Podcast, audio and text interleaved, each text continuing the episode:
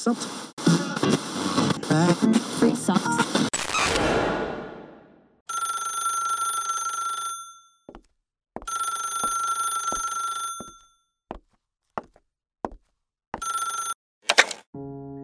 halo semuanya. Lu semua lagi dengerin gue, Gary Ardian. Gue pengen ngomongin soal marah nih. Karena ini tuh udah jadi hal yang biasa kita alami sehari-hari lah gitu ya. Ngomongin soal emosi satu ini itu tuh nggak mungkin lepas gitu dari kehidupan kita sehari-hari gitu. Mungkin kitanya bisa nih nahan emosi. Tapi orang di sekitar kita atau mungkin pacar kita bisa jadi kesulitan untuk nahan hal tersebut gitu. Makanya gue rasa jadi perlu buat kita ngomongin soal gimana caranya mengubah marah jadi ramah. Asing gak tuh? Karena gue ngerasa banyak emang yang yang pengen mempelajari hal ini. Tapi ya sekali lagi karena kita hidup di negara kita tercinta ini nggak banyak bahasan soal itu. Jadi ya ayo kita bahas hari ini bareng-bareng gimana sebenarnya cara untuk mengatasi segala hal yang bisa jadi negatif disebabkan oleh rasa marah itu sendiri. Gua gua banyak banget dapet eh, pertanyaan gimana caranya untuk berhenti emosi atau membuang atau menghilangkan eh, rasa emosi kita ke orang di sekitar kita gitu, baik pasangan atau bukan. Masalahnya adalah kita semua punya emosi dan itu nggak bisa dihilangin gitu karena itu adalah bagian dari otak kita juga kan jadi nggak mungkin bisa kita hilangkan selama kita masih jadi manusia yang otak itu normal-normal aja gitu suatu saat emosinya itu pasti bakal hadir membuncah apa ibaratnya keluar gitu Eh, kalau misalnya pokoknya ada hal-hal atau sebab-sebab yang menyebabkan emosi ini keluar. Kenapa harus ada sebabnya dulu? Karena marah itu tuh bukan sebab, marah itu akibat. Dia itu secondary emotion. Hal yang akhirnya keluar karena disebabkan oleh hal-hal seperti kayak menghina eh, eh sorry terhina maksud gua atau merasakan sakit merasakan ketakutan merasakan penolakan gitu yang jadi primary emotionnya gitu karena hal-hal semacam ini ngebuat kita dibaliknya jadi eh, pengen marah gitu. Ada secondary emotion yang muncul karena rasa-rasa yang di yang diakibatkan yang jadi sebab maksud gue dari faktor eksternal nih.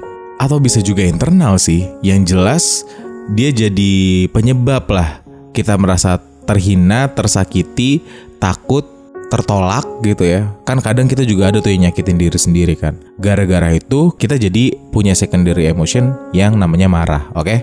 Sejauh ini paham ya? Nah, sebenarnya maksudnya marah itu baik loh. Meskipun kita sering menggambarkan marah itu sebagai sesuatu yang negatif, sebenarnya maksudnya itu baik. Untuk ngebuat kita berhenti merasakan sakit atau merasakan hal-hal yang terjadi akibat dari primary emotion itu. Kita eh, marah itu tuh pengen ngebuat kita berhenti merasa terhina, takut, sakit, tertolak gitu-gitu.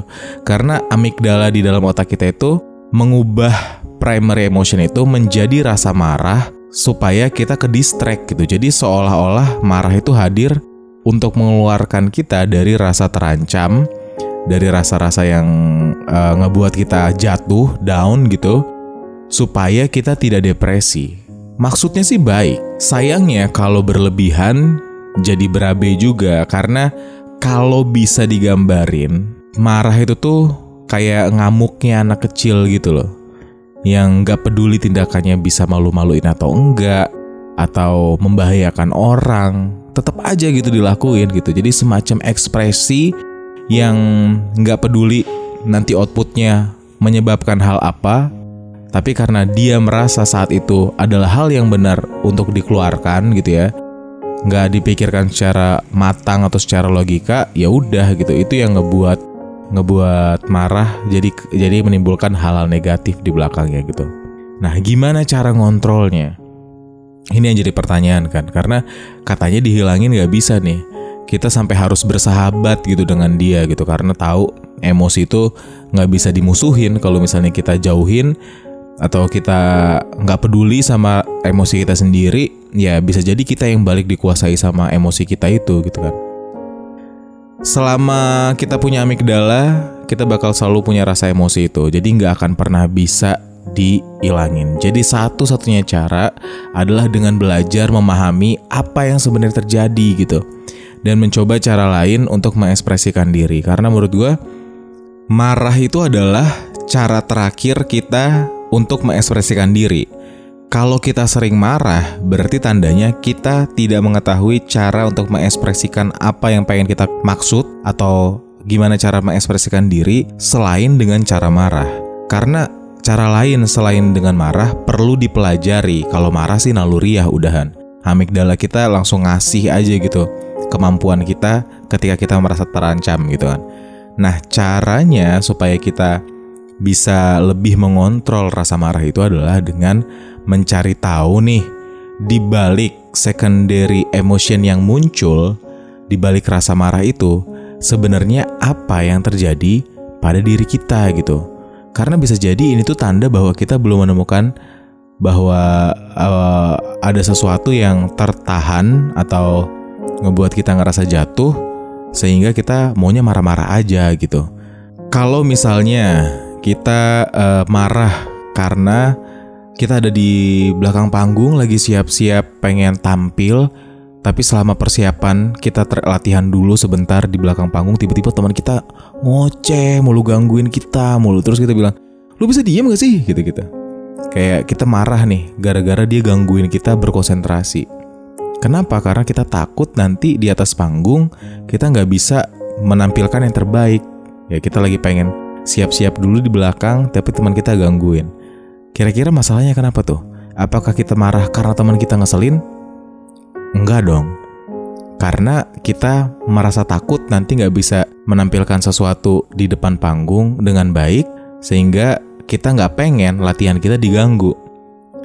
Dengan menyadari hal itu, kita bisa uh, mengontrolnya dengan mengeluarkan, kalau misalnya kita, gue kan sering bilang nih, kita harus mundur dulu beberapa langkah, lihat dari sudut pandang yang lebih luas, Habis itu kita harus uh, memberikan solusi kepada masalah yang terjadi dengan dengan dengan sudut pandang tadi gitu.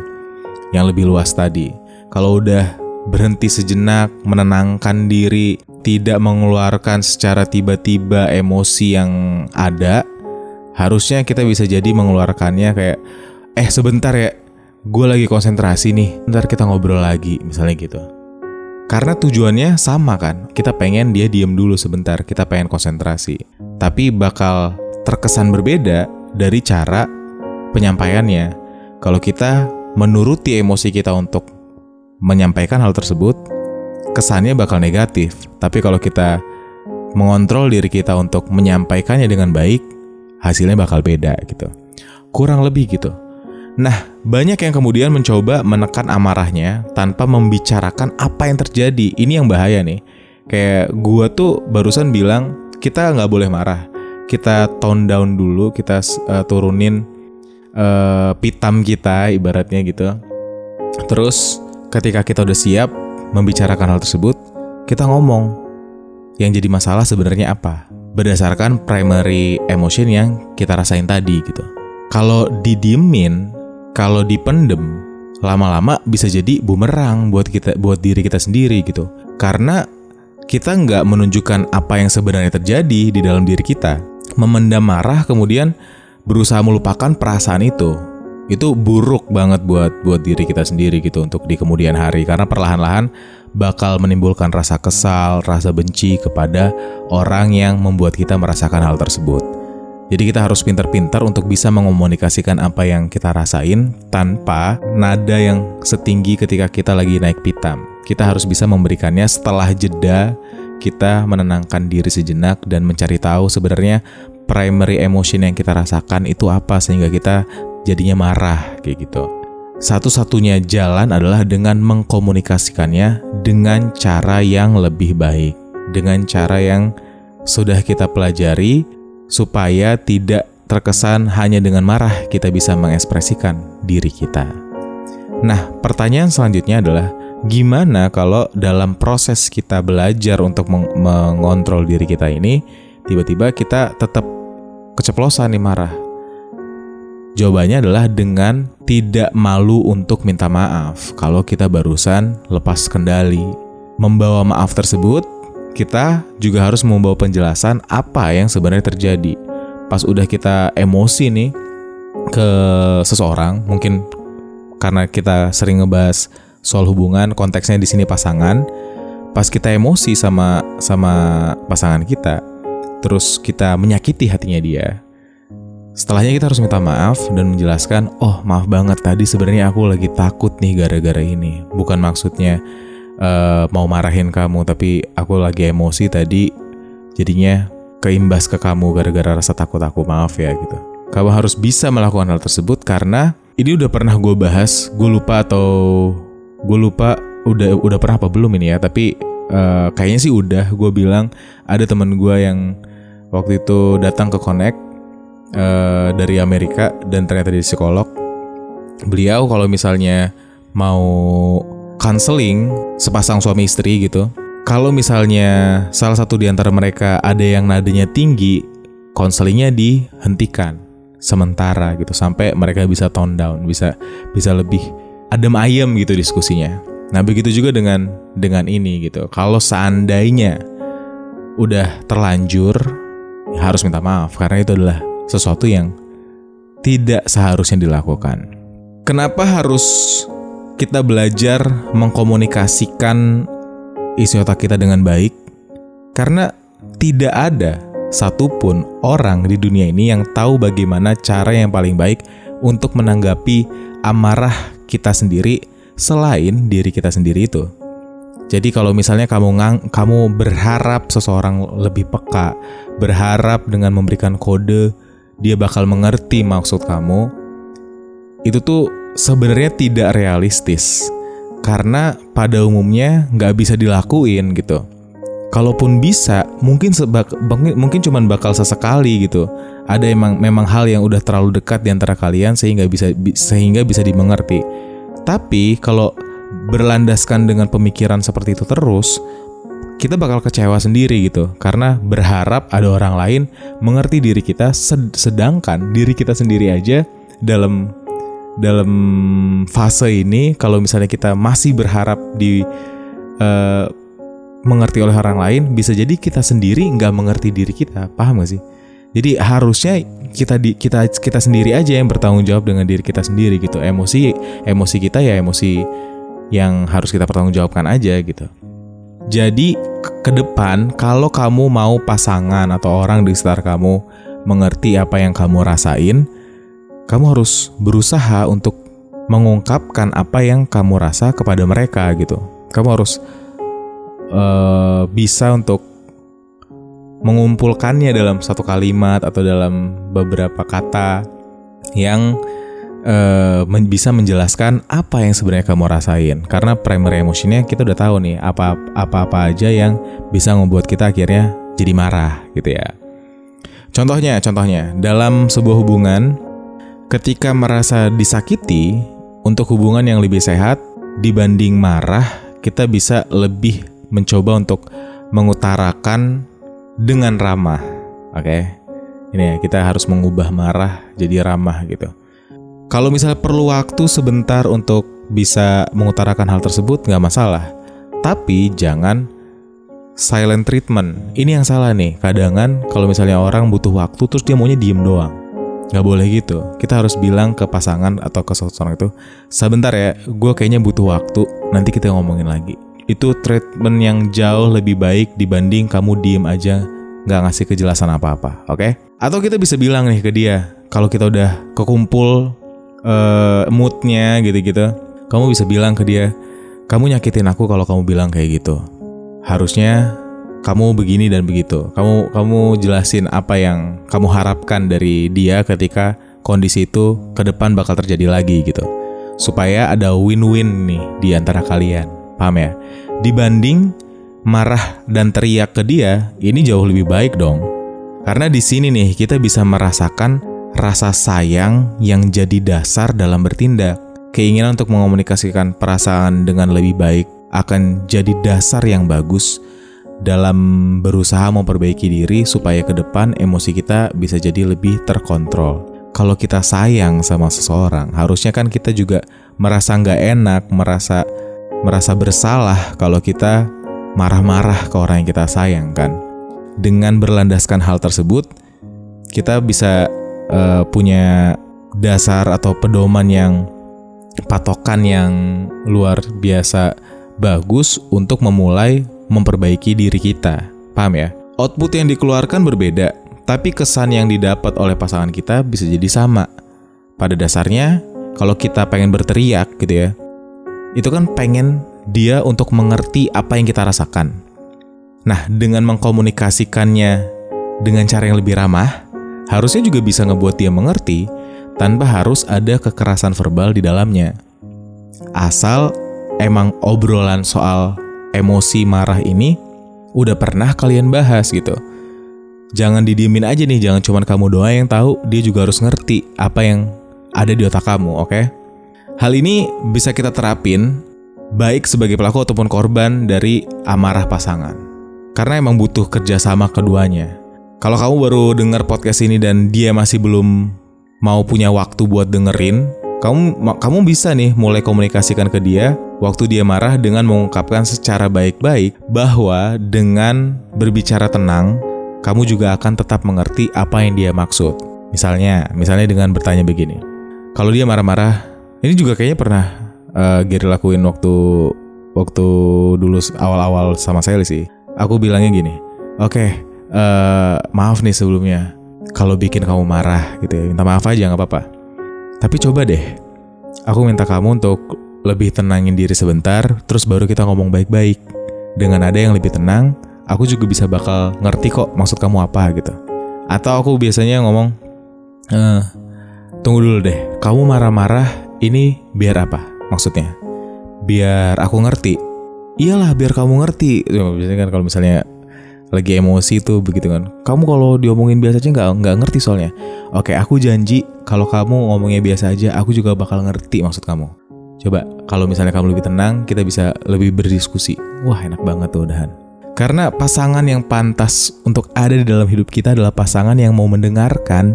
Dengan demikian, kita juga bakal tetap menjaga kesetaraan dan menjaga keharmonisan karena dalam mengungkapkan sesuatu nggak ada yang berusaha untuk saling menjatuhkan. Paham nggak?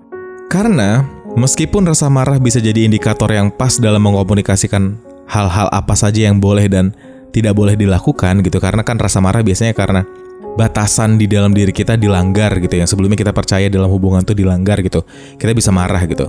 Nah baik nih sebenarnya nih meskipun baik meskipun bisa mengkomunikasikan batasan-batasan itu cuman akan lebih akan jauh lebih baik ketika maksud nya sudah ada di dalam otak kita, tapi begitu keluar dari diri kita dari uh, ketika uh, kita sampaikan, disampaikan dengan cara yang baik pula gitu. Ya, yeah, you know kan, laki-laki baik untuk perempuan baik dan begitu juga sebaliknya kan. Begitu juga dengan begitu juga dalam faktor ini gitu. Cara kita berkomunikasi itu mencerminkan siapa diri kita dan siapa pasangan kita ke depannya gitu. Jadi coba untuk berkomunikasi dengan sebaik-baiknya. Nggak boleh dipendem, ingat. Apabila tidak dikomunikasikan, cuma dipendem demi hubungan yang adem ayem gitu, kayak udahlah, lupain aja lah. Yang penting masalahnya udah kelar lah. Yang penting udah lewat gitu. Kitanya baik-baik aja. Kalau misalnya cuma untuk adem ayem, adem ayem doang, ini bakal ngebuat kita jadi labil dan tidak konsisten dalam bertindak serta mengambil keputusan. Karena selama kita melakukan hal tersebut, Berarti selama itu pula kita nggak menjelaskan apa yang sebenarnya kita rasakan yang akhirnya seperti membohongi diri sendiri ke depannya gitu. Bisa jadi apa ya namanya tuh cognitive dissonance apa ya cognitive dissonance yang selama kelamaan ngebuat kita itu jadi nggak punya batasan apa yang sebenarnya baik dan apa yang sebenarnya buruk buat bagi kita gitu karena ya ketika ada masalah dilewat-lewatin aja kayak gitu bakal jadinya bias gitu loh. Kita nggak tahu apa yang sebenarnya terjadi ke depannya. So, komunikasikan dengan baik dan jangan lupa untuk mengubah segala sesuatu yang awalnya marah jadi ramah.